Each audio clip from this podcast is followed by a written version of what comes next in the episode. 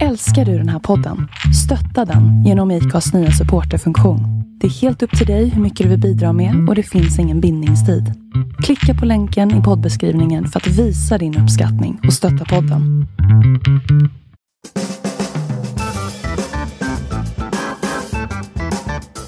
Ja, då får vi hälsa er tillbaka till inspirationskällan. Välkommen. Du svalde kaffet där. Precis, och vi är tvungna. Ja. Jag visste inte att du skulle dra igång. Nej, inte jag heller, men jag tänkte jag gör det nu när du tar en klunk kaffe Ja, så blir precis. det roligare start. Ja, det är bra. Idag, idag är det lite speciell gäst vi har med oss. Ja, Min bror Karl Karlsson. Hej allihopa! Det kan man, eh, här. det kan man tro att det är lite udda att bjuda in sin bror ja. till en sån här eh, podd. Men eh, du har ju faktiskt eh, väldigt mycket intressanta händelser i ditt liv att bjuda på faktiskt. Ja, både bra och dåligt skulle jag säga. Ja, precis. Så är det. Och sen är det ju alltså för, för mig, ja, självklart Emils bror är du, men för mig är du fattigbrukaren eh, senaste tiden. Alltså, som man har följt med på YouTube och den biten. Det är ju så, sen vet jag ju att du håller på med sanerings och saneringsfirma och den också självklart genom Emil, men som jag känner dig, eftersom vi har inte träffats så många gånger, ett par gånger innan, men jag har ju ändå sett dig, om man säger så, fler gånger på grund av att jag följer dig på YouTube och den biten. Och på Instagram. Så att eh, jag vet ju ganska mycket vad du har gjort, men du har ingen aning vilka vi är. Eller vad jag har gjort. vad de säger? Apan, alla känner apan, apan känner ingen. Ja, det är lite så. Det är så i det här fallet. Så det ska bli väldigt intressant och just det här är ju att du är den som är mest erfaren i just det här med kanske inte podd, men just inspelningar och den biten också. Så att det ska bli intressant att se din syn i det hela gällande. Hur vi klipper grejer här. Ja, det är lite grann det. För jag menar, där, där är vi ju nybörjare. Ja, jag är väl den nyast när det gäller klippning, för nu har ju Emil skött det mesta, för han är lite mer noggrann än vad jag är. Och men eh, allting har ju sin början, så är det ju. Man Ja. måste ju lära sig. Så, mm. Ja. Och jag tänkte faktiskt vi skulle börja från början för eh, visst att jag känner dig men jag tänkte att lyssnarna också ska få lära känna Karl lite bättre. Mm. Eh, jag och min bror, vi har ju växt upp på en gård. Så vi är ju bondpojkar.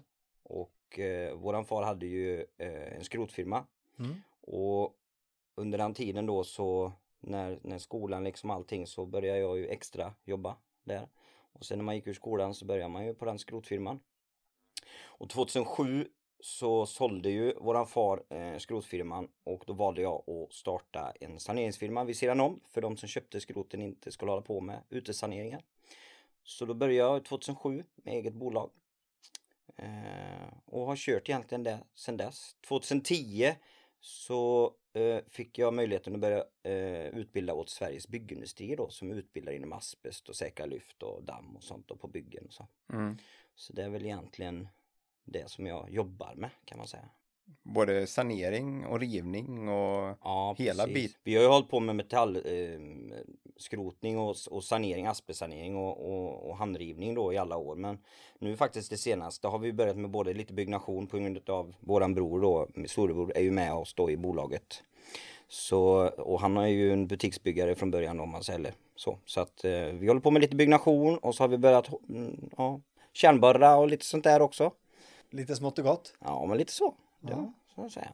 det är det som är med lite den här eh, rivningsbranschen att det täcker väldigt mycket. Ja, men sen eh, alltså vi jobbar ju i Borås med kanske ja, 10 mils radie. Och rivningssanering kanske inte är den största biten man kan leva på så mm, det kan vara gott att ha flera ben att stå på. Mm. Så, så det är väl egentligen det jag eh, får mitt levebröd ifrån kan man säga. Ja. Men sen så var det 2014 du började med YouTube. det är riktigt. Och var det en video när mannen går från cool till toffel och tillbaka? Var det den som startade hela? Nej, Det där var inte du det? nej, där har du faktiskt fel. För 2014 så startade jag ett matlagningsprogram som hette Matburken. Ja, ah, var det den som kom ja? Japp, det var mitt första Intressant namn. Matburken ja. Ja. Den finns faktiskt, det, nu skäms jag när jag säger, jag fick till och med rysning på armen men, men eh, det var faktiskt min första Youtube, eh, så, det jag började med. 2000, jag tror det var 2014 jag började där någonstans. Ja, Eh, med matburken och sen så gjorde jag några andra men det var inte riktigt. ja just det, nej, 2016 började jag med den här kanalen. Japp. Så var Men, det men ja. vi ska inte släppa Nu- matburken här. Nu, nu, nu ska nu, nu, ska, nu måste... Nej.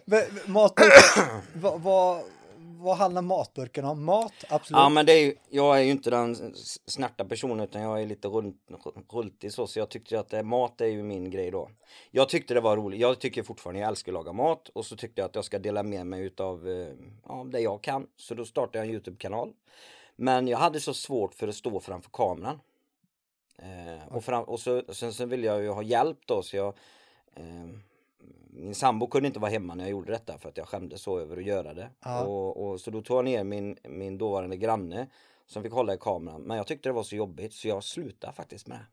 Många avsnitt blev det? Jag kommer inte ihåg, jag gjorde en tio och jag har gjort, jag har väl tagit bort typ hälften tror jag. Hur många visningar har du som Ja, men, ja, det, den mest populära avsnittet på matburken? Hur många visningar är det? ja men det är nog, eh, det är nog snabbfralle tror jag. är. Det är den. Ja, jag tror det. Eller hur man gör majonnäs. Det är väl typ de som, när man söker liksom. Ja. Ja. Sen tog det några år innan du återhämtade och började starta igen 2016. Ja, det vill jag väl säga. Ja. Ja. Ehm, det var ju faktiskt så att vi, vi köpte ju gård 2016 Mm. i Länghem. Mm. Och, och under den tiden så var det ju väldigt mycket hypat på Facebook att man skulle liksom, nu har jag varit och druckit kaffe, nu har jag varit på toa, nu har jag varit ut med hunden och nu har jag vikt tvätten och nu har jag bytt däcken på bilen och jag har gjort, du vet så. Det var väldigt så innan alla annonser och allting sånt flöde kom. Alltså alla skulle liksom lägga 15-20 uppdateringar om dagen på Facebook. Nu har vi Instagram till det flödet istället, men så var det på Facebook då. Mm. Och då följde jag en amerikansk vloggare som heter Casey Neistat som gjorde dagsvloggar under den tiden som jag tittade på. Och då tyckte jag att det var så himla häftigt. Så då sa jag till min sambo Anna att jag funderar på att göra en video varje dag på gården. Så ungefär mellan tre och fem minuter. Ja, tycker du det är roligt så gör du det, säger hon då. Och så då började jag med det. Och precis som ni är nystartade med, med podd så börjar jag också och man märker ju liksom hur hur man börjar, hur man håller kameran, hur liksom, hur, ja, eller man tänkte inte så mycket på det då. För då vill man bara få ut det, men, men hur man liksom redigerade. Och sen eh, efter några månader så upp, liksom insåg jag ju ganska snart att det här det här kan jag klara jag inte av, det här hinner inte jag med. Det tar alldeles för lång tid, det tar för mycket tid liksom att göra en video varje dag. Mm.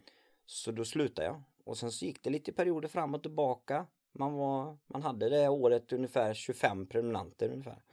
Så det var ju inte så att man kunde bli känd över natt eller sådär Nej. utan det var, Det är inte så som alla tror att det är. nej absolut inte. Men var det fattigbrukare redan då? nej, då hette han faktiskt Karl Karlsson vlogg. Ja, okej. Så Karl Karlsson vlogg har den kanalen hetat egentligen ända fram till, ja, det var nog i år jag bytte. Jo det var i Ja. år, det var i år. Vadå? Mm.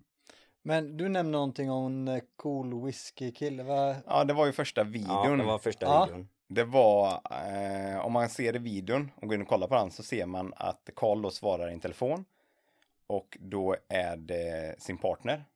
Och då är det lite att, eh, att han... eh, Jag är en toffel. Ja, att eh, du hade städat redan och du Ja. fixat allting. Allting var Och det klart. var ju inte någonting som var färdigt så då... Nej men hon, då går hon ju i, och så är ju inte min sambo Men då går hon in och ifrågasätter om jag har torkat ut skåpen, om kylskåpet är rent, alltså går liksom steget och, och, och, och då sa jag att det är inga fara och sen då när jag lägger på så får jag fullständig panik och då är det liksom upp med engångsoverall och skyddsdräkt och mask och lampa på dammsugaren och så kör jag ju på då och så Men som sagt, det var min första, jag hade ingen aning egentligen vad det, vad det skulle handla om Men Det var rätt så rolig sketch ändå. Ja, det var det. Det var egentligen, Så det var ingen verklig händelse utan det var en sketch? det är en sketch. Ja, okej. Sen Ja. finns det viss verklighet i det, men inte så extremt. Nej, det är, Vi är så transparenta. är Ja, precis.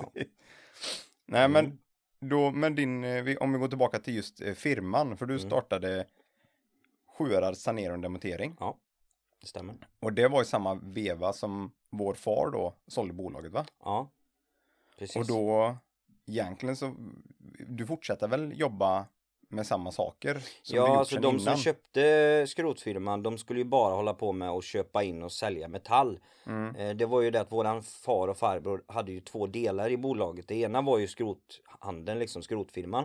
Den andra delen var utejobb med sanering och rivning. Så att jag tog egentligen över Jag tog över eh, utejobben kan man säga. Som inte blev någon sorts konkurrens av det, det bolaget som köpte Skene Skrot då som det Mm. hette.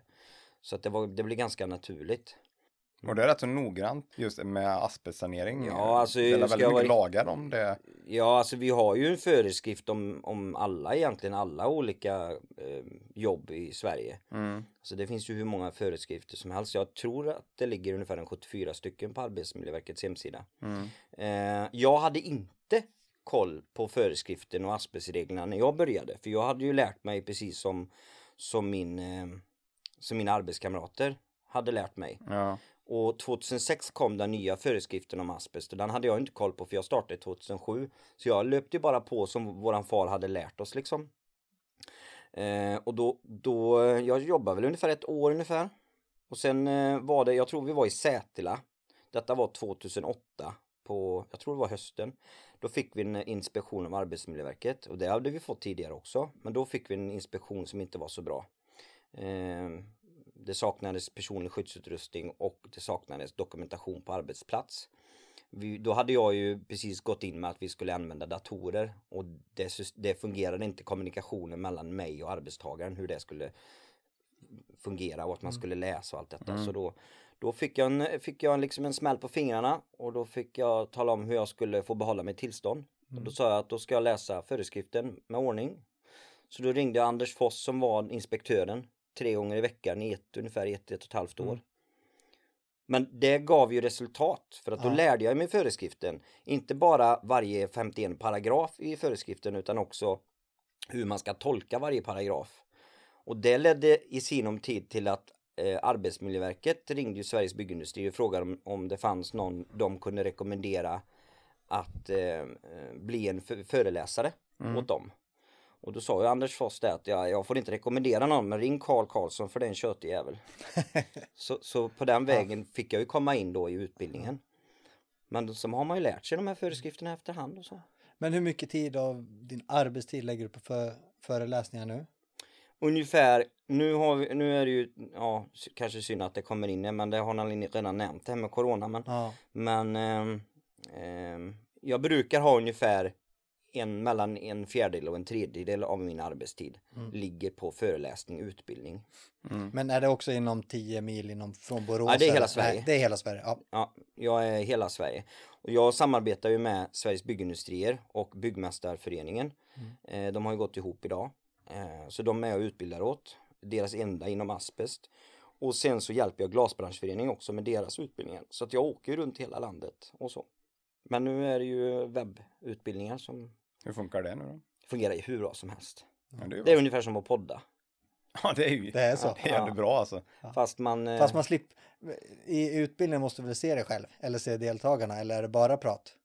Ja, eh, kravet är ju att man ska kunna, det är ju så här att alla klarar inte av att se sig själva och se andra Nej. och det här så att det får man ju respektera men det beror på vad det är för utbildning. Mm. Jag hade en föreläsning då, min första som jag provade för, för ett tag sedan och där var det tyvärr en envägskommunikation. Där var det ingen som vågade ha på kamerorna. Nej. Så jag satt och pratade med min kamera och visade eh, powerpoint-presentationer Ja. och videos i två och en halv timme. Det måste ju kännas väldigt konstigt. Ja fast jag är ju vloggare. Så Ja, jag ser ju det, aldrig ja. mina nej, tittare nej, ändå. precis. Så att för mig gjorde det ingenting. Nej. Ja, det är sant. Sen är det ju så här att eh, vi använder ju ett program som heter Zoom och det använder jag i mitt bolag också. Mm. Eh, och, och det är ju så bra för att då har du inte bara kameror, inte bara mikrofon utan du har också en chatt. Mm. Där du bara, både kan liksom chatta med, med läraren privat Mm. och öppet liksom. Så att, eh, nej men det fungerar bra. Mm. Ja, man ska inte vara rädd för tekniken. Nej, för jag jobbar ju lite grann inom gymnasieskolan också. Och där har vi ju nu distanslektioner. Med Google då eller? Ja. Och vi har, jag jobbar ju med praktiska elsidan då, Mm. ellinjen. Det är jättesvårt att lära dem Ja. praktiskt, det går ju inte, men man får göra det bästa av situationen. Ja. Jag måste säga, det funkar ändå ganska bra att se varandra. Nu slipper jag ju se mig själv, utan jag ser eleverna och sen är chattfunktion precis som Mm. på Zoom. Så att Mm. jag känner ändå att det, det, vi får vara tacksamma för den tekniken som vi har Mm, idag. ja. För att det funkar på det viset. Men det är ju, det jag saknar det är det här relation, alltså den här kunna småtjata, alltså Mm. just den, den biten, alltså mer, det, det saknar jag. Det, så att det blir Men det, inte riktigt ja, samma men, sak. men samtidigt ehm, eh, det, är ju, det blir lite annorlunda i en webbföreläsning eller en utbildning. Så är det. Men det vill, jag tror att det vill till mer av läraren. Eh, eller rättare sagt, man ska agera annorlunda när man föreläser via webben än när man är i det verkliga, verkliga rummet kan man säga. Absolut. För att där kan du känna av, jag ska inte säga, men du ser ju signaler på, på dem du föreläser. Jag är ju en, inte, jag ska inte säga att jag är en kameleont, men jag är en, jag är en människokännare. Jag vill gärna liksom söka av, hur är, hur är gruppen? Om, om det är fyra personer eller om det är 55 personer så vill jag läsa av de här. Ser jag någon som inte förstår, då vill jag förklara för alla. Men det kan vara svårt i en webbutbildning, framförallt om inte de kör kameror Mm. att de, att de har förstått. Så att det är någonting som man får lära sig. Och där har jag mycket att lära också då givetvis som lärare. När du var tonåring så fick du en moppe. Helt otrimmad. Och du trimmade inte den. Nej. Nej det gjorde jag Det- inte. Jag fick, jag fick en Monark, en handväx, tvåväxlad handväxel. Men, men det var faktiskt så här. och Nu, nu, eh, jag var faktiskt 14 år, jag var inte 15, jag var 14. Och då sa min far, han hade köpt den på en auktion eh, för 1700 kronor. Så sa han, den här har du att åka på. Den ska du kunna åka till bussen fram och tillbaka. För vi hade ju eh, 2,1 kilometer till, till eh, bussen. Eh, och då sa han där, jävlar om den trimmas. Då blir det liksom, då ställer jag undan den. Ja. Ja. Eh, du gör alltid som dina föräldrar säger. Nej, absolut inte. Helt tvärtom ska Ja. jag säga. Men det var så värt att ha den friheten att kunna åka, så det gjorde jag faktiskt aldrig. Däremot så köpte jag en Gilera för några hundralappar som jag vrörtrimmade. Jag hann ur garaget, sen nöp den. Ja, Sen la jag ner de projekterna. Det var inte min grej. nej. Nej. Men den de mopeden, den mopeden, den, den, den gick hela tiden. Ja. En av de få mopederna som aldrig varit trimmade. Eller Nej, så- precis. Ja. Och ibland kan jag se på Blocket och på, på det här, vad heter det, Facebook. Att den här blåa eh, med kromad tank dyker upp Ja. liksom. Och då Ja. får jag, åh. En sån ska Var det man som man sparkar eller man cyklar i Nej, nej, det var ingen trampmoppe. Nej, det var inte det. Nej, utan det var ju, det var ju en, jag tror det var en saxmotor på Ja. den. Men så var det ju en två liters tank liksom med kromade sidor, blå var den, blåvit. Såg ut som en kraftig cykel liksom. Ja, Ja. Mm. det var det var tid. De var nog jätteslöa i uppförsbackar va? Ja, jag tror jag hade 28 kilometer när det var medvind i princip. Så den nivån var det. Men om vi går vidare till, eh, till Youtube-kanalen. Ja, ja. För nu har du ändrat ditt namn till Fattigbrukaren. Ja, det stämmer. Och där förklarar du lite på vad du gör om dagarna här på. Ja, men det, alltså varför jag gick ifrån KK som vlogg till fattigbrukaren var bara för att KK som vlogg var ju mer det var mer mig. Eh, jag, jag började ju min vloggkarriär med att dagsvlogga familjevloggar. Men det gör ju halva Sverige. Och, och det är ju inget unikt. Det är ju jättemånga som gör det. Mm. Men någonstans kände jag att eh, jag, jag är ju inte, det är ju inte, det är inte jag och vloggen utan det är ju faktiskt, min nisch är lite gården. Mm. Det är liksom våran gård, det är traktor, det är och jag, vi håller ju på med, vi håller ju på med jordbruk i en väldigt liten skala. Och Och då har lite man ju, gammeldags också va? ja men vi har ju de här stora eh, lantbrukarna Mm. och en stor eloge till dem. Och sen har vi faktiskt eh, månskensbönder. Ännu mer eloge till dem. För de har jordbruk eller så, kanske till och med skog. Eh, men jobbar samtidigt. Men de har ändå en vinst, liksom, det är en förtjänst på det här. Det, De tjänar pengar på det. Mm. Och sen har vi nästa steg då, det är fattigbrukarna. Och det är det bara kostnader. Så min tanke med fattigbrukare är egentligen att man odlar till sig själv för att inte minimera, eh, sänka kostnader men mer att du brukar till dig själv. Så i min värld så måste man inte ha en gård för att vara fattigbrukare. Man kan ha en, eh, man kan ha en tomt eller ett hus och så kan du ha fyra pallkragar på baksidan där du odlar lite grönsaker och lite sånt där. Det ser jag som en fattigbrukare. Att ersätta eh, mataffärens produkter till sina egna. Mm. Lite den tanken är det att vara fattigbrukare. Ja, för om du lägger upp din dag, säger vi. Mm. Om vi går igenom, följer med dig på din dag nu. Hur startar du? Ja, oftast är det när jag rycker ytterdörren och går ut. Det, det är min första. Men ja, men jag går ut, alltså eh, det är väl när jag går ut till djuren. Jag ger, vi har ju lindrödsvin. Mm. Ehm, så vi, och, och de föder vi upp till eget liksom, till vårat kött liksom. Mm. Det är det vi ska äta. Ehm, nu har vi bara Alex och Sigge kvar. Gunnar fick gå då efter, han gick i mellandagarna tror jag det var. De som lyssnar nu med fattigbrukaren, att man föder upp kanske egna grisar om man Ja. vill äta det då och inte Ja, man- köpa ja, kött. har man vet en- att man har man en familj. Har man en familj och man vill, man vill ha e- liksom eget kött på bordet Mm. och, och man bara vill ha grisar. Då skulle jag väl säga någonstans att en gris max två. Men sen kommer reglerna in. Du får inte bara ha en, ett djur av samma art. Du ska minst ha två. Så minimum för att föda upp till eget bruk är ju minst två av samma art då. Så vi har ju, vi har ju två lindrödsvin nu då. Mm. Så hade vi slaktat en lindrödsvin så hade vi fått slakta, slakta då måste vi slakta bägge liksom. Ja. Ehm, så är det ju. Men sen mitt, mitt dagliga det är ju att jag går ut och ger grisarna och sen så ger jag hästarna oavsett om det är min arbetsdag eller helg. Mm. Och sen så börjar min dag och sen så, ja, mycket, vi har ju, vi det är ju mycket familj. Ehm, och sen vi flyttade till Länghem har vi ju ett umgänge utan dess like. Så att man behöver aldrig känna sig ensam. Och idag är det ju mycket människor som tycker det är roligt att vara med i vloggen. Mhm. Det var ju lite mer känsligt förr när man började. Så, um, och sen avslutar jag oftast med att, eh, att vi, eh, vi ger djuren så kommer vi in och så käkar vi och sen så är det färdigt. Typ. Ja. ja, för man kan se väldigt olika vlogg. Det är ju alltid från djurhållningen. Ja, Det är ju med mycket traktor i och för Ja, sig. Det är ju väldigt mycket det. Men sen även eh, slippa knivar gör du. ja, jajamän. Så att, eh, ja du, du, Och på sommaren så vi tar ju vårt egna gräs. mm. Så det är mycket sånt. Eh, vi har ju potatisland och grönsaksland. Och det är också en del utav det här med att vara fattigbrukare. Så vi har ju ungefär en 100-150 kilo potatis när vi är klara. Och 100 ungefär gör vi åt själva. Mm. Med sommarfesten och alltihopa Ja. som vi har varje år. Och sen eh, 50 kilo s- sår vi om igen och sätter vi om igen då.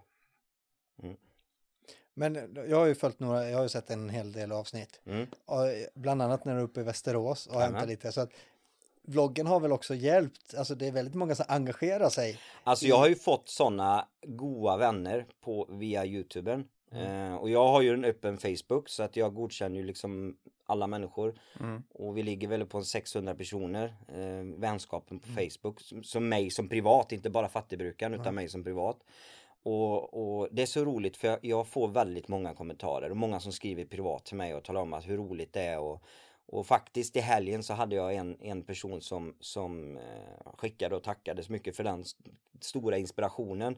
Så nu har han faktiskt köpt en T24 då, en bensinare traktor. Så Ja. skickade han en liten video på det då och Ja. visade. Och, och det, det är liksom sådär, då blir man glad, då tänker man, ja, det är liksom folk som gillar att titta på det man tittar, Ja. man, de blir inspirerade på något vis. För det, det är ju, för där kan man ju folk tänka, ja men hur roligt är det att följa någon annan på sin gård? Mm. Men alltså du har, gans, du har väldigt många prenumeranter och du har väldigt många som kollar på den här videon. Så att det, det, det, är ändå, det är ju nog det som gör, alltså när man kollar på det, det är där man fastnar. Alltså, Ja, sen det, det är ju faktiskt väldigt olika. Jag har ju allt ifrån stora, alltså lantbrukare som följer för de tycker att det är roligt att titta på, på någon som kör med ja, gammal skit kan man säga. Ja. Och sen har jag äldre som tycker det är roligt med nostalgin. Och sen har jag unga som tycker att det är roligt för att det är inte så dyr. Alltså, det är en, alltså du kan köpa en traktor för en 5 till 15 tusen som du skruvar med och får igång och sådär. Så det är ju, alltså det är ju många olika slags människor. Givetvis. Och sen är det de som tycker om språket med då, våran dialekt. som tycker det är roligt att höra. vad var målet när du startade? Alltså när du startade, om man säger, nu var det ju, eh, nu har du hållit på ett tag, men just när du var, bytte till fattigbrukaren, var målet för att få ut eh, hur det är att leva på en gård eller var det mer att ah, men det här kan vara min nisch för att kunna få må- många prenumeranter och däremot också kunna framtiden kanske leva på det eller alltså den biten? Nej, ärligt så var det nog en blandning mellan att, att få komma in med nischen, Mm. att jag är fattigbrukare. Ehm, lite att man kanske vill hitta, få mer följare. Men Nej men jag kände KK som vlogg var liksom inte mig utan fattigbrukare. Jag är, det är liksom det jag vill visa. Och jag, jag är inte den som lär ut för jag är en extremt glad amatör. Så det är ju det som jag, ja, jag gör många fel och det jag blir rättad väldigt mycket. Men det är kanske Men- det som också är själva Ja. grejen. Det är intressant att se att allting är inte perfekt. Alltså allting är, det är ju, man, man kan ju säga, ja, nu går- är vi tillbaka på matlagningsprogram, men man kan ju säga, ja, det blir så bra varje gång du lagar. Utan här, här tar du som det kommer, du löser det själv, alltså du Ja. testar. Ja men det var, jag har en sån här klockren grej. Jag, jag, jag är rätt enveten med. Mm. Eh, och, och det har väl man både för och emot sig givetvis. Men det var som förra sommaren, då skulle jag köra med en gammal slotterbalk. Och det är ju som en sax kan man säga, som hundra saxar som ligger och klipper fram och tillbaka. Och, och jag började med första skörden så var det precis att det gick liksom och så, så åkte jag bort till grannen eh, Sture Snick och så, så fick jag hans, eh, så fick jag köpa hans eh, slotterbark då. Och sen vid andra skörden så började jag ju då och, och, och, kö, och, och, och slå gräs andra skörden med en, slott, en gammal slotterbark. Det, det är som att försöka tro att man kan bli Mozart efter tio minuter. Så jag var så, jag, jag blev så knäckt och kände att det här, det här red inte jag. Så då fick jag ringa till Bonnie Göran så fick han komma dit och, och slå av det. Och det Ja. tog han ungefär en timme så var han färdig. Men det här är ju en del utav det att ingen, jag är ju inte professionell utan jag kör med gamla grejer och jag visar att ibland går det bra, ibland går det dåligt och, och man får se sina begränsningar. Men det är ju många som skrattar åt det. Det är många som tycker det är roligt. Och Ja. se liksom att jaha nu kämpar han verkligen och och jaha nu ska han sätta på hydraulik på traktorn och hur kommer det gå och så. Ja. Och det är roligt och då får man följa det. Ibland så bygger jag ett snöblad för att snön kommer och Precis, och där, där har vi ju, det är väl ditt populäraste video just nu va? Ja det är nog den som gjorde att det slog ganska bra. Ja. Jag byggde ju ett snö och det var, jag tror att det är, det måste vara två år sedan va? Eller, det inte, var inte den vintern, den vintern Nej. därpå. Mm. Eller innan. Eh, då, och den byggde jag i två delar. Och första videon fick ju väldigt bra visningar. Och, och det blev verkligen sån här i- min värld en viral, i, för min kanal en Mm. viral video då. Kan man ju säga. Inte, inte Youtube-viral men för mig då som Mm. kickade igång. Ehm, och när jag var färdig med snöbladet och var helt klart satt på det, då kom snön. Mm. Så jag började när det var bar backe och när jag var färdig med snö, det var, jag byggde väl under några dagar då liksom. Mm. Ja. Och sen skulle jag bara skotta för sen skulle jag iväg, jag tror jag skulle till Örebro och utbilda dagen efter. Ja. Så det var liksom bara bli färdig, sätta ihop allting och så åka, skotta jag. Så fick Peter Westberg komma dit dag två då och skotta undan igen då. Ja. Mm. Hur mycket tid lägger du på vloggen idag? ja, det är alldeles för mycket. Ja. Ja, det är ju, det är ju så här att ehm, om, jag, om jag filmar ungefär i en och en halv timme under en hel dag och så ska jag redigera ner den till kanske någonstans 15 till 25 minuter. Det beror lite grann på vad det är för material och sådär.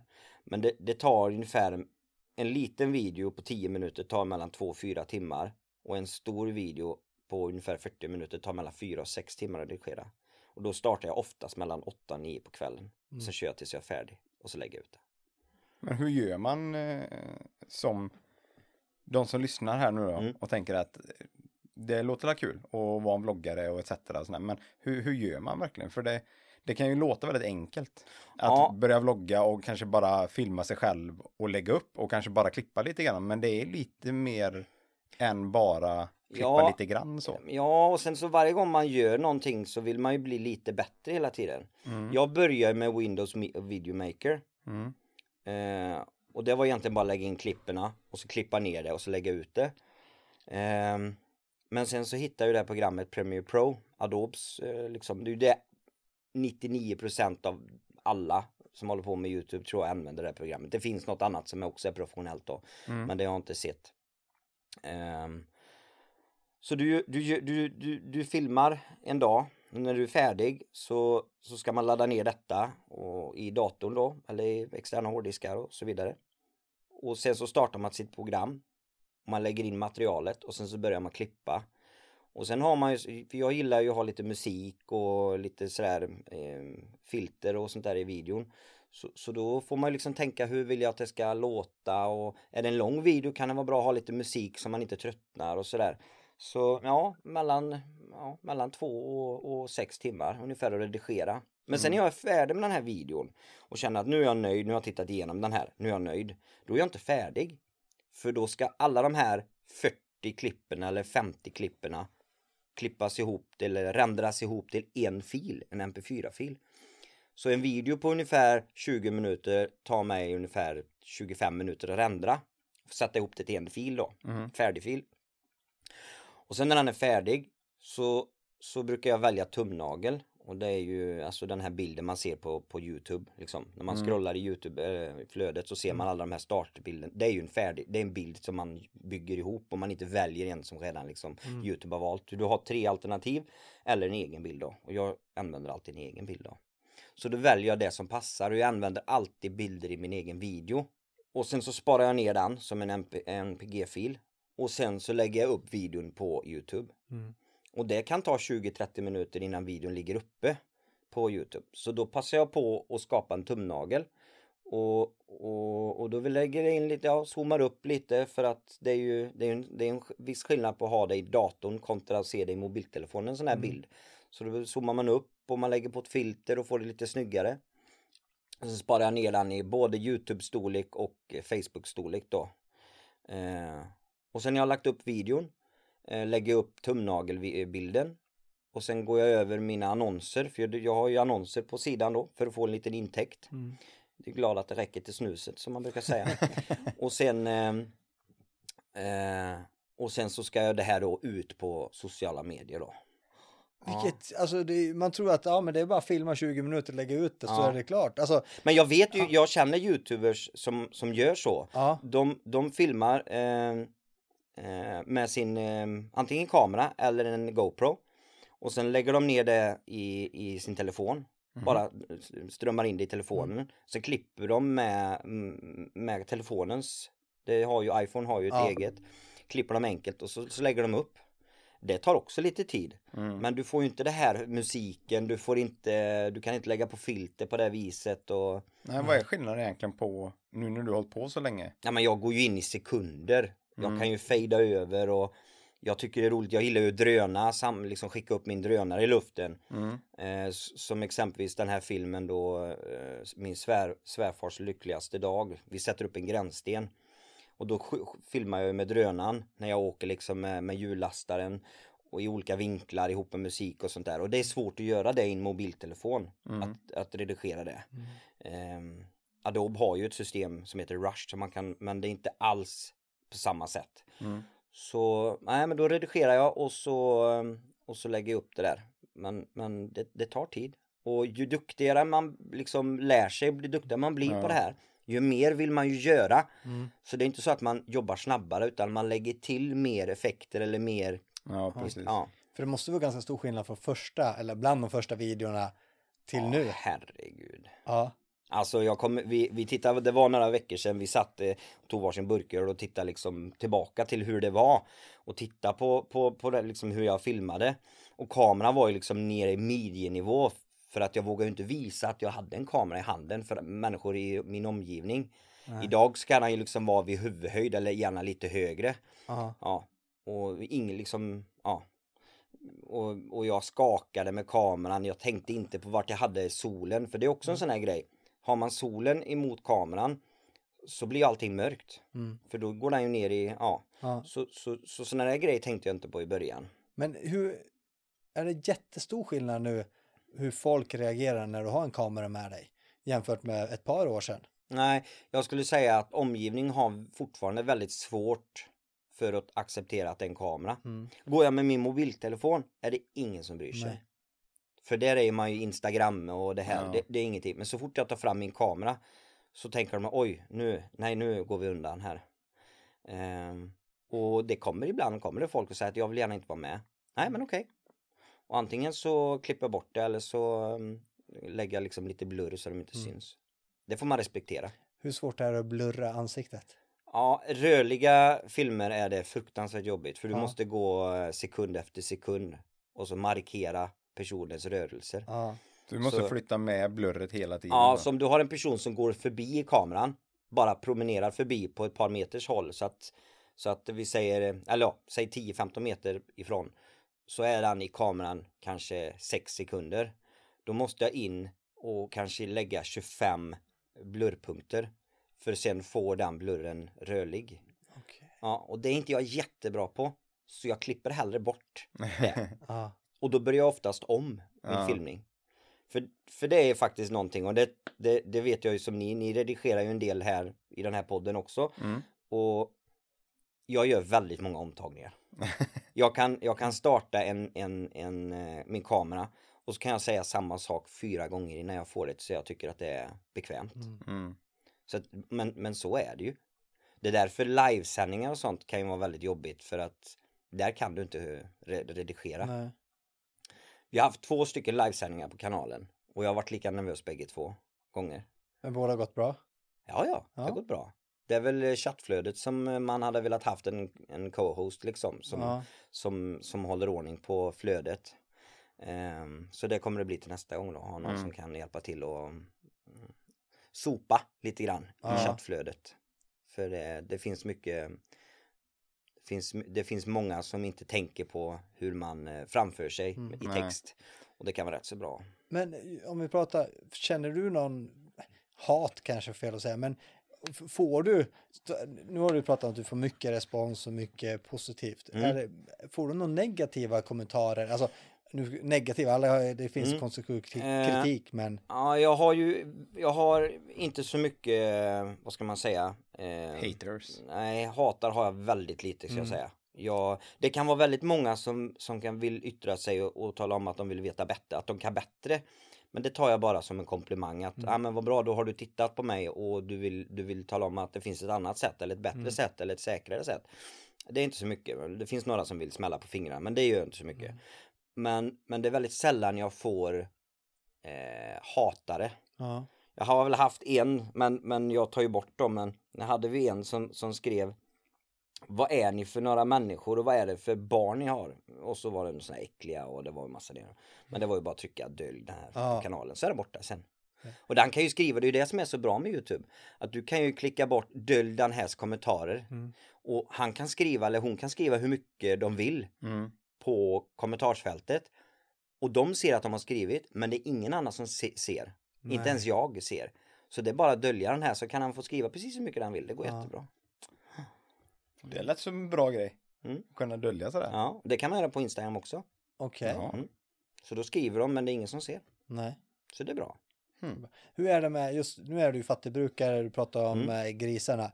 Det finns ju, det finns ju de som är vegetarianer eller veganer. Alltså, finns det någon motstånd om man får uttrycka sig därifrån och tycka att Eh, Väldigt lite. det är så? Ja, Ja. De kan ju byta kanal, de inte se på det. Men alltså, eh, jag har ju inte visat eh, själva slakten. nej, För, för det tyckte jag att det, och det, det tror jag till och med inte jag får nej. av regelmässiga skäl. Men styckningen visar jag. Mm. Och kanske en på tusen kommentarer kan man Mm. säga.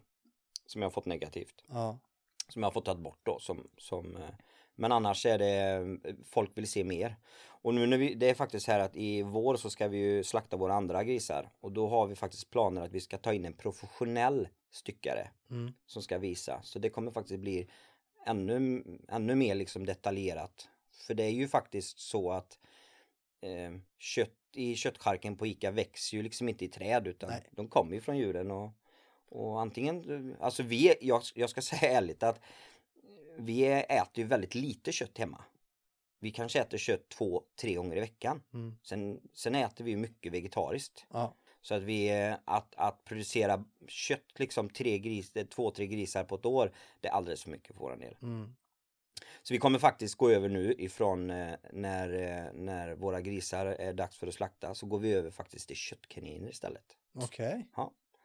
Så kommer väl det som vitt kött är vi, jag tror vi är mer, kö, mer för vitt kött än, än rött då, Ja. eller ja, gris då. Men de har ändå gjort en del nytta de här grisarna. För jag var ju med när de, eh, nej inte när de kom, men när de var där. Att de, Mm. de bökar ändå. De gör ju Ja, alltså nytta grejen är- för en fattigbrukare. Jag, jag vill ju inte ha djur utan ett syfte. Vi har ju tre hästar och de har ju ett syfte.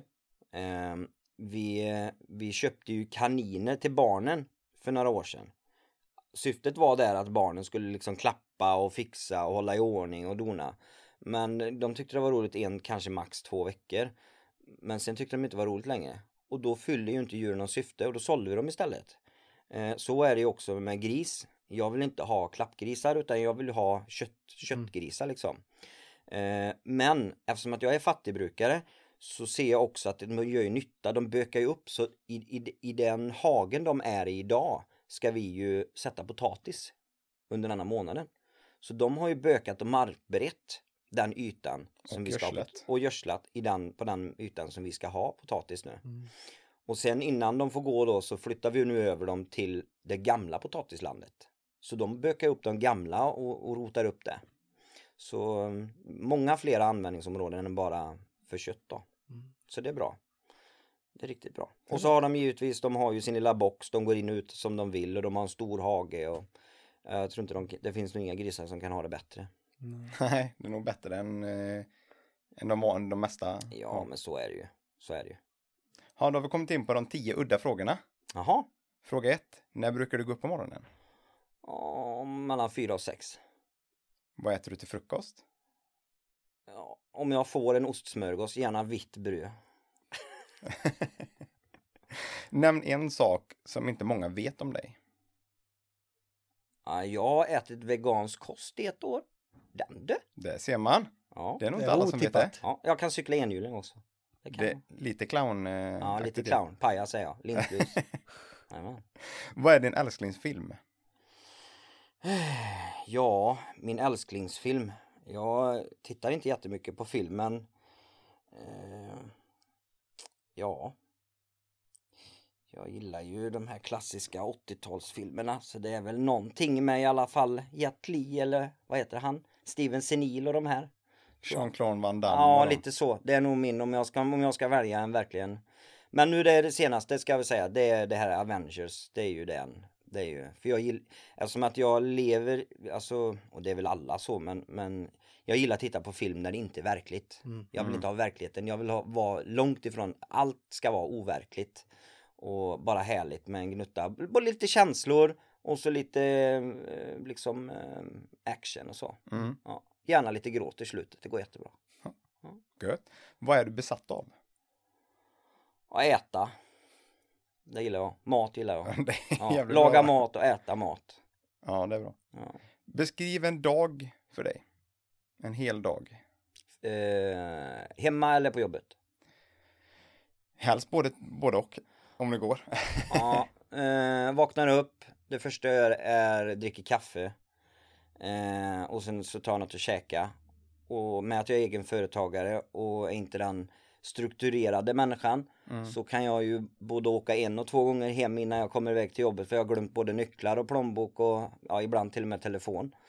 Och sen så gör jag, flackar omkring och gör mina jobb. Eh, kommer hem kanske en halvtimme för sent för att jag är optimist. Och sen eh, vloggar jag oftast på, vänster, eh, på vänstersidan, på eh, eftermiddagen. Eh, vad vi pysslar med hemma. Och sen eh, är det ju familj. Varannan vecka så har vi fyra barn hemma och varannan vecka har vi ett barn. Vi är ju den här ja, familjerelationen där man är skilda. Eh, och sen vid 8-9 så i princip pussar jag Anna godnatt och sen så startar jag min redigering på vloggen. Och sen vid kanske mellan 11 och 1 någonstans så är jag färdig och så går jag och lägger mig. Då har jag lagt ut min Youtube. En till tre gånger i veckan sker de ungefär. Om du skulle beskriva en perfekt dag. Så som med tanke med, med Youtube-kanalen här. Ja, med att jag nu har börjat, eh, och nu måste vi outa det då, att jag håller på med, med, med Youtube på heltid den här månaden då. 30 dagar ska jag ju då lägga ut eh, varje dag. Så, så kommer det ju bli, eh, jag youtubar på morgonen, gör mina vanliga rutiner, går ut till grisarna, går ut till hästarna och så går in. Ser till så barnen kommer iväg till skolan och kommer upp. För vi har ju hemstudier för den stora pojken och, och mellanpojken ska ju iväg till skolan och så de mindre ska ju också upp och iväg. Eh, och sen så har jag mina pyssel ute. Eh, vid lunch någonstans så ska jag redigera ett par timmar. Så jag får upp gårdagens film på, på denna dagen. Mm. Och sen är det fortsättare eh, vlogga på eftermiddagen. Sen när barnen kommer hem. Och sen någonstans vid 5-6 så avslutar jag vloggen. Och så har vi lite läxläsning och häng med familjen. Och sen sätter jag mig kanske och redigerar lite grann igen. Du, du kan inte hålla dig borta från redigeringen. Nej, och sen har man någon sorts bokstavskombination så man har ju väldigt mycket energi. Det är väl så. Och mycket vilja. Vad tycker din sambo och barnen om vloggandet? Ja men först, alltså de första åren så tyckte de att det var jobbigt. Att, att synas, att alla kunde se och det var jättejobbigt. Eh, vi, vi brukar ju skoja det att Anna brukar alltid säga det de, det första året att ta bort den där förbannade kameran. Hon tyckte det var jättejobbigt. Men, men nu är det så här, ska vi göra något specifikt, vi ska gå ut exempelvis, för vi tar ju hand om våra hästar, vi, vi ehm, ehm, eh, tar ju hand om hovarna och det här. Så vi verkar ju dem själva. Mm. Och det kan ju vara så att hon säger, nej men kan du inte ta med kameran nu så filmar vi när vi verkar hovarna och det här. Så att, eh, men, men de är så vana. Mm. Men det, det finns ju ingen som vill ha en kamera uppstucken i ansiktet. Utan det är ju, man måste, man, man filmar ju liksom naturligt. Mm. Så är jag naturlig så är de naturliga. Lite så är det. Eh, hur går du helst klädd? Ja, arbetsbyxor. Eh, jag har alltid piké-t-shirt. Eh, jag har min caps. Och så mina hörselkåpor på huvudet. Det är väl där. Det, må, det borde ju alla som ens sett dig på den här vloggen, eller Ja. på Youtube, Ja. ser att det är eh, hörselkåporna som Ett är... par gula kåpor Ja, de syns alltid. Ja. Men det, det, är inte bara, det är inte bara faktiskt för ljudets skull. Som jag har den på huvudet. Det är inte bara för att när jag ska köra traktor eller jag ska starta en vinkelslip eller vad jag må göra. Utan det är faktiskt så att eh, hörselkåporna är en del av mitt kontor. Mm. Eftersom jag är egen företagare också så pratar jag väldigt mycket i telefon. Och då kan jag, då kan jag gå in i min lilla telefonbubbla och prata med, med liksom kunder och leverantörer och beställare och utan att runt omkring arbete stör sig. Men lyssnar du på någon poddar eller någon uh, ljudböcker? Jag tänkte du har ändå kåpan alltså i närheten. Ja, och det kan man tro, men det gör jag faktiskt inte. Nej. Jag har ju börjat lyssna nu då på inspirationskällan för att jag tycker att detta är lite smaskig nyhet. Eh, jag, vi döpte ju våra grisar till Alex och Sigge, så Alex och Sigge på podcast, ja ibland, inte jätteofta, men jag lyssnar inte så mycket på musik. Jag lyssnar inte så mycket, utan det, det, det är faktiskt bara för att kunna prata i telefon och att det kan vara mycket stök runt omkring. Mm. Så det är egentligen det. Jag skulle lika gärna kunna ha ett sånt här eh, headset med ett sånt här halsband runt. Men kåporna stänger in ljudet och, och tar bort för, för de man pratar i telefon med ljudet så mycket runt omkring. Så att det, det är egentligen därför. Det är bra. Sen är jag inte sponsrad av Pelto 3M på något vis. Men eh, de får gärna höra av sig. De är välkomna. Ja. Ja. Ehm, kulglass eller mjukglass? ja, mjuk. Men jag tål det inte. Du får äta sorbet. Ja, precis. Nej, mjukglassare och lite strössel tycker jag är gött. Vilken plats på jorden skulle du helst vilja besöka?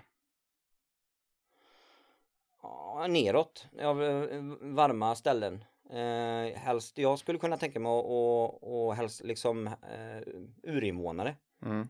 Folk som lever eh, mycket i dåtid, använder enkla medel. Det är någon grej som jag skulle kunna tycka var roligt att åka hälsa på. Liksom. Folk som, som fortfarande bygger i princip hyddor. Det, Mm. det, för de, de är smartare än vad man tror. Mm. Man tror att man kan bli väldigt inspirerad av dem. Ja, säkert. Mm. De har ju klarat sig så pass länge så att... Mm. Sen är ju en, en flådig resa till Gran Canaria med all inclusive funkar ju också. Men ja, Gött att slappna av lite. ja lite så. Nu när vi har haft de här frågorna så tänkte vi gå in lite på, på företagsbiten också. Ja. Just med att eh, med vlogga och allting är Mm. jättekul och inspirerande. Och, men hur funkar det egentligen med du, du har ju ditt företag Mm. och det är ett aktiebolag. Jajamän. Och hur funkar det med, med företag med YouTube? Och hur lägger man upp sådana grejer? Ja, Vad är det för det- regler och bestämmelser? Ja, det finns ju, man, man, eh, man kan ju tjäna en viss summa pengar givetvis. Mm. Eh, som hobbyverksamhet. Men sen eh, får man ju följa Skatteverkets regler.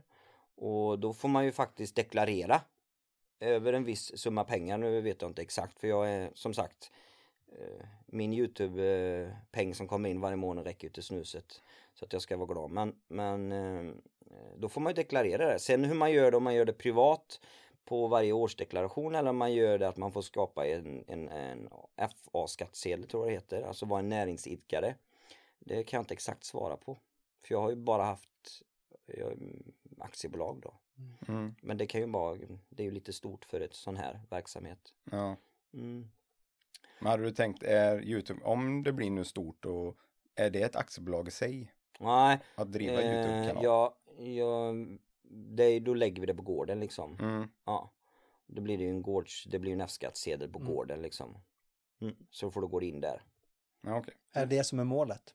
Ja men leva. mitt mål hade väl varit att, att vlogga mer och jobba mindre på bolaget kan man väl säga. Mm.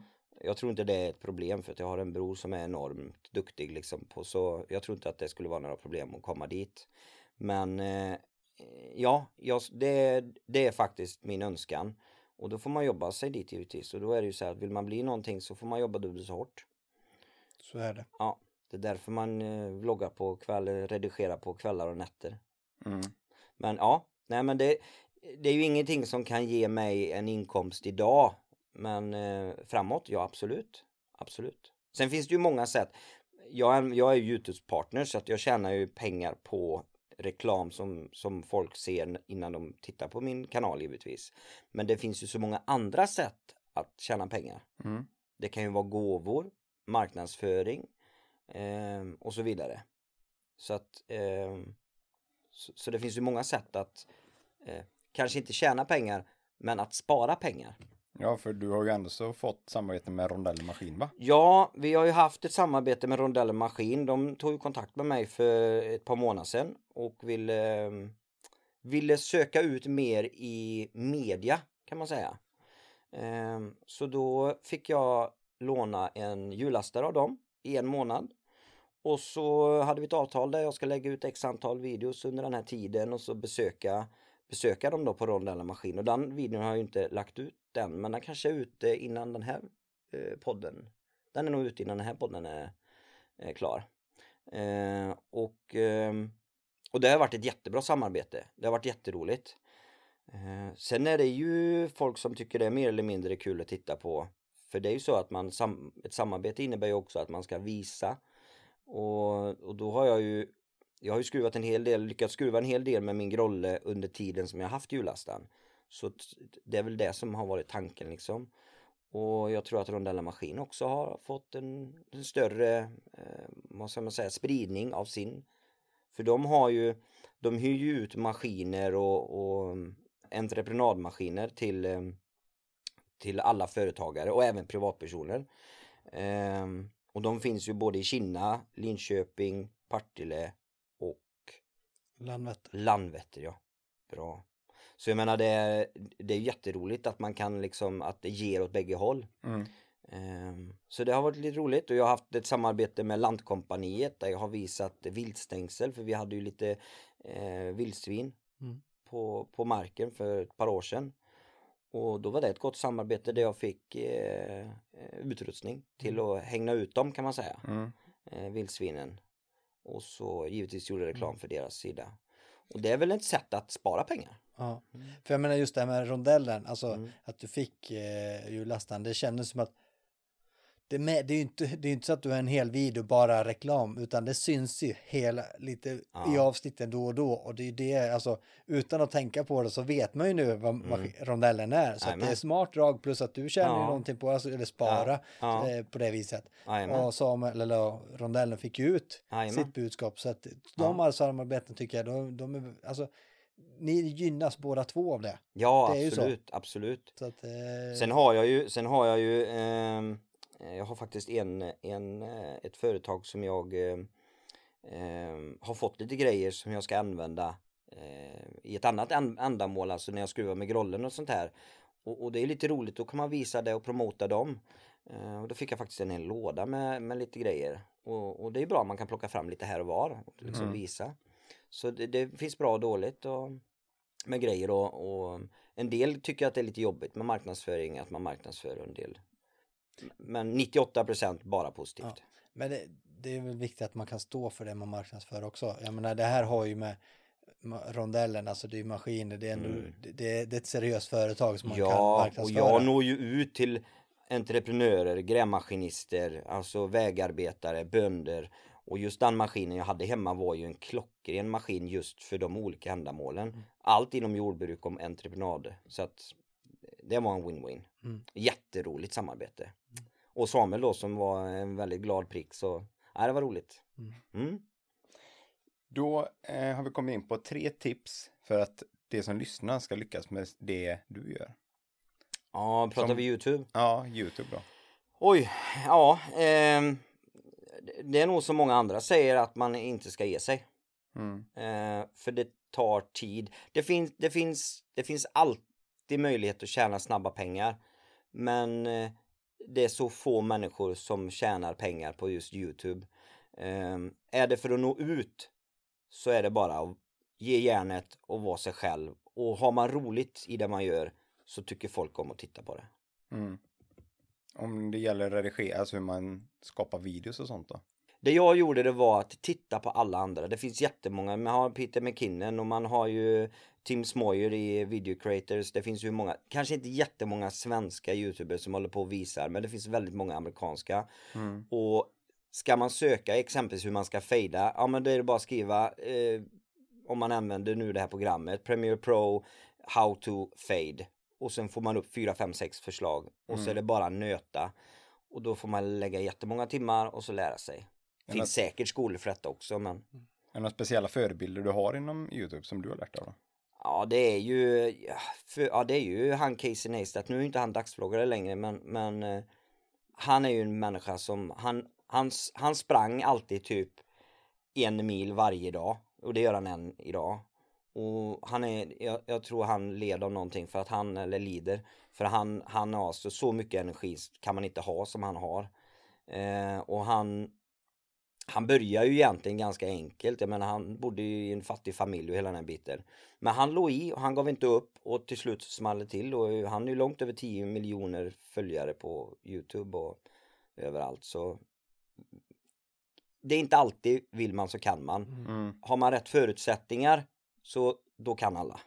För gällande vloggan eller YouTube-video, då tjänar man pengar på reklam. Mm. Men sen är det per visning också eller minut. Ja, det är ju reklamen handlar egentligen om visningsminuter. Mm. Ehm, så att eh, det finns många olika sorter, liksom hur de lägger upp det där och beroende på vad det är för vad det är folk, företagen som vill visa sin produkt eh, vill betala för. Men oftast så tjänar man mellan en till två dollar per tusen visningsminuter. Eh, och jag är nog i den lägre kategorin än högre.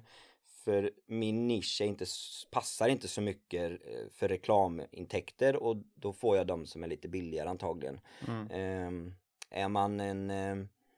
s- håller man på med smink exempelvis och är väldigt duktig på det då finns det ju väldigt mycket reklam inom just smink på media Mm. och, och då blir det ju en lättare så. Så då kanske man är över 2 dollar per tusen visningsminuter då. Mm.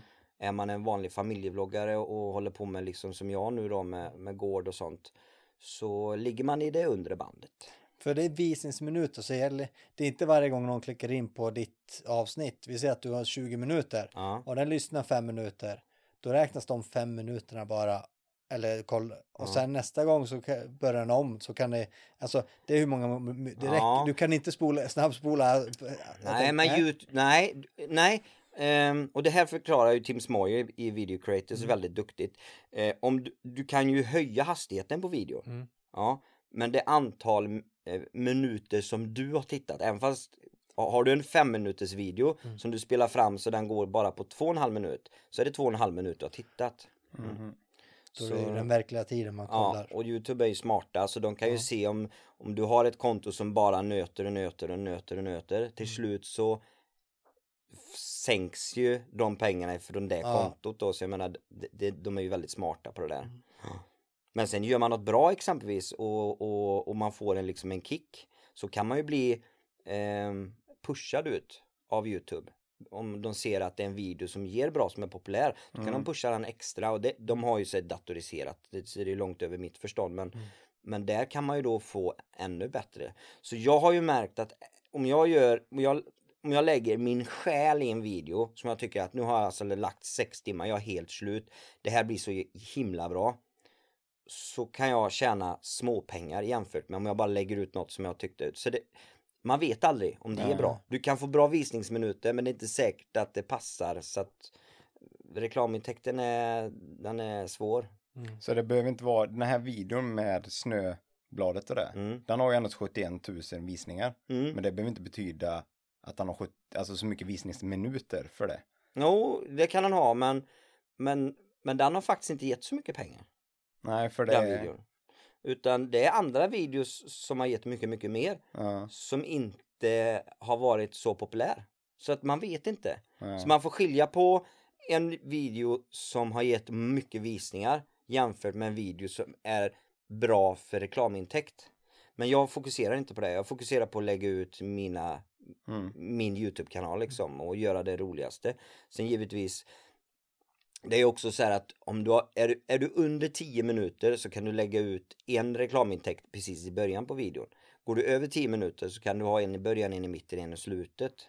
Så det är klart att jag håller mig över 10 minuter. Men eh, jag har inte fått någon som har gnällt på att det är reklam på. Nej. Så då håller jag mig där. Och brukar, jag brukar ju nu ligga någonstans 15-20 minuter. Mm. Och jag får inte ner det till mindre. Så. Hur många videosar har du ungefär? Ja, nu kan jag inte, men det är nog över en 420, 430 kanske något. Jag vet inte nu. Många minuter som du lagt ner på det här. Det är många minuter. Många sena kvällar känner jag. Det är många gratisnätter. För precis när jag började ehm, eh, tjäna pengar på det för att du behöver, du behöver vara minst tusen eh, prenumeranter. Måste ha minst tusen prenumeranter. Och sen ska du minst ha eh, 240 000 visningsminuter per 365 dagar. Och det är ju, en, det är ju småpotatis idag för mig så det krävs inte så mycket för att börja tjäna. Men då tyckte jag det var svårt. Mm. Men när jag började så såg jag liksom att aha, den här månaden har jag tjänat 5 kronor. Det var ju bra gjort. Alltså den nivån var man på. Och då började jag räkna ut sen vad jag skulle tjäna ungefär. Och det var typ om man går tillbaka sen jag började en krona i timmen.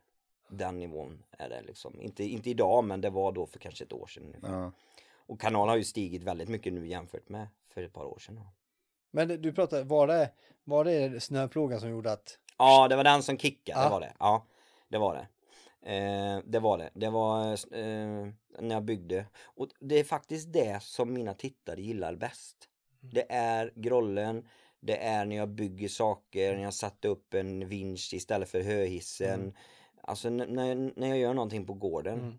Och det är faktiskt bland annat det som jag tycker är roligast. Så att det är delad glädje för Ja. det. Ja. Ja, du skapar ju väldigt mycket på gården ändå. Alltså av ja, men så är det ju. Det är inte så att du går och köper nya saker hela tiden utan du kan Nej, ju det är ju ibland det kanske som bygga eh, lite min sambo saker. Anna Och... hatar mest. Att så fort vi ska köpa någonting praktiskt till gården så säger man det där kan jag bygga. Nej, för då blir det aldrig gjort. Men det är nog lite så. ja, men jag har ju tusen projekt igång samtidigt. Det är Ja. så. Ja. Och det är mycket jag aldrig avslutar. Så nu hade vi faktiskt för, för en månad sedan så kö- tog jag hem en container och jag slängde väldigt mycket bra ha-grejer. Väldigt mycket. Som det tog tänkte- emot? tog emot väldigt mycket. Till och med de här keramikrörerna som de använde till att dränera för mig. Tyckte jag att det tog emot. Och Anna sa det, vad ska du med? Men man kan bygga ett vinställ. Men till slut, nej nej, vi slänger det. Man får ju rannsaka sig själv också. Ja. Det Jag är lite utav en korp. Och det känns bra nu i efterhand. har Ja det gör det absolut. Eh, och hon har ju helt rätt. Man kan inte ha allt. Det blir bara stökigt och det är stökigt för att jag har mycket. Det finns mycket som jag inte, eller det, det, det finns inte mycket som inte jag har. Om det är någon som ringer och frågar som har ett hus. Jag skulle behöva det här och det här. Men det har jag, säger jag. Jag kan du låna. Jag vet bara inte vart det ligger. Ge mig en vecka och leta reda på alla grejer så. Ja. Ja. men vi får tacka för att du kom hit och gästade oss idag. Mm, tack så mycket. Så Ja. hörs vi till nästa gång. Det gör vi. Tack så mycket. Tack. Tack. Hej. Hej.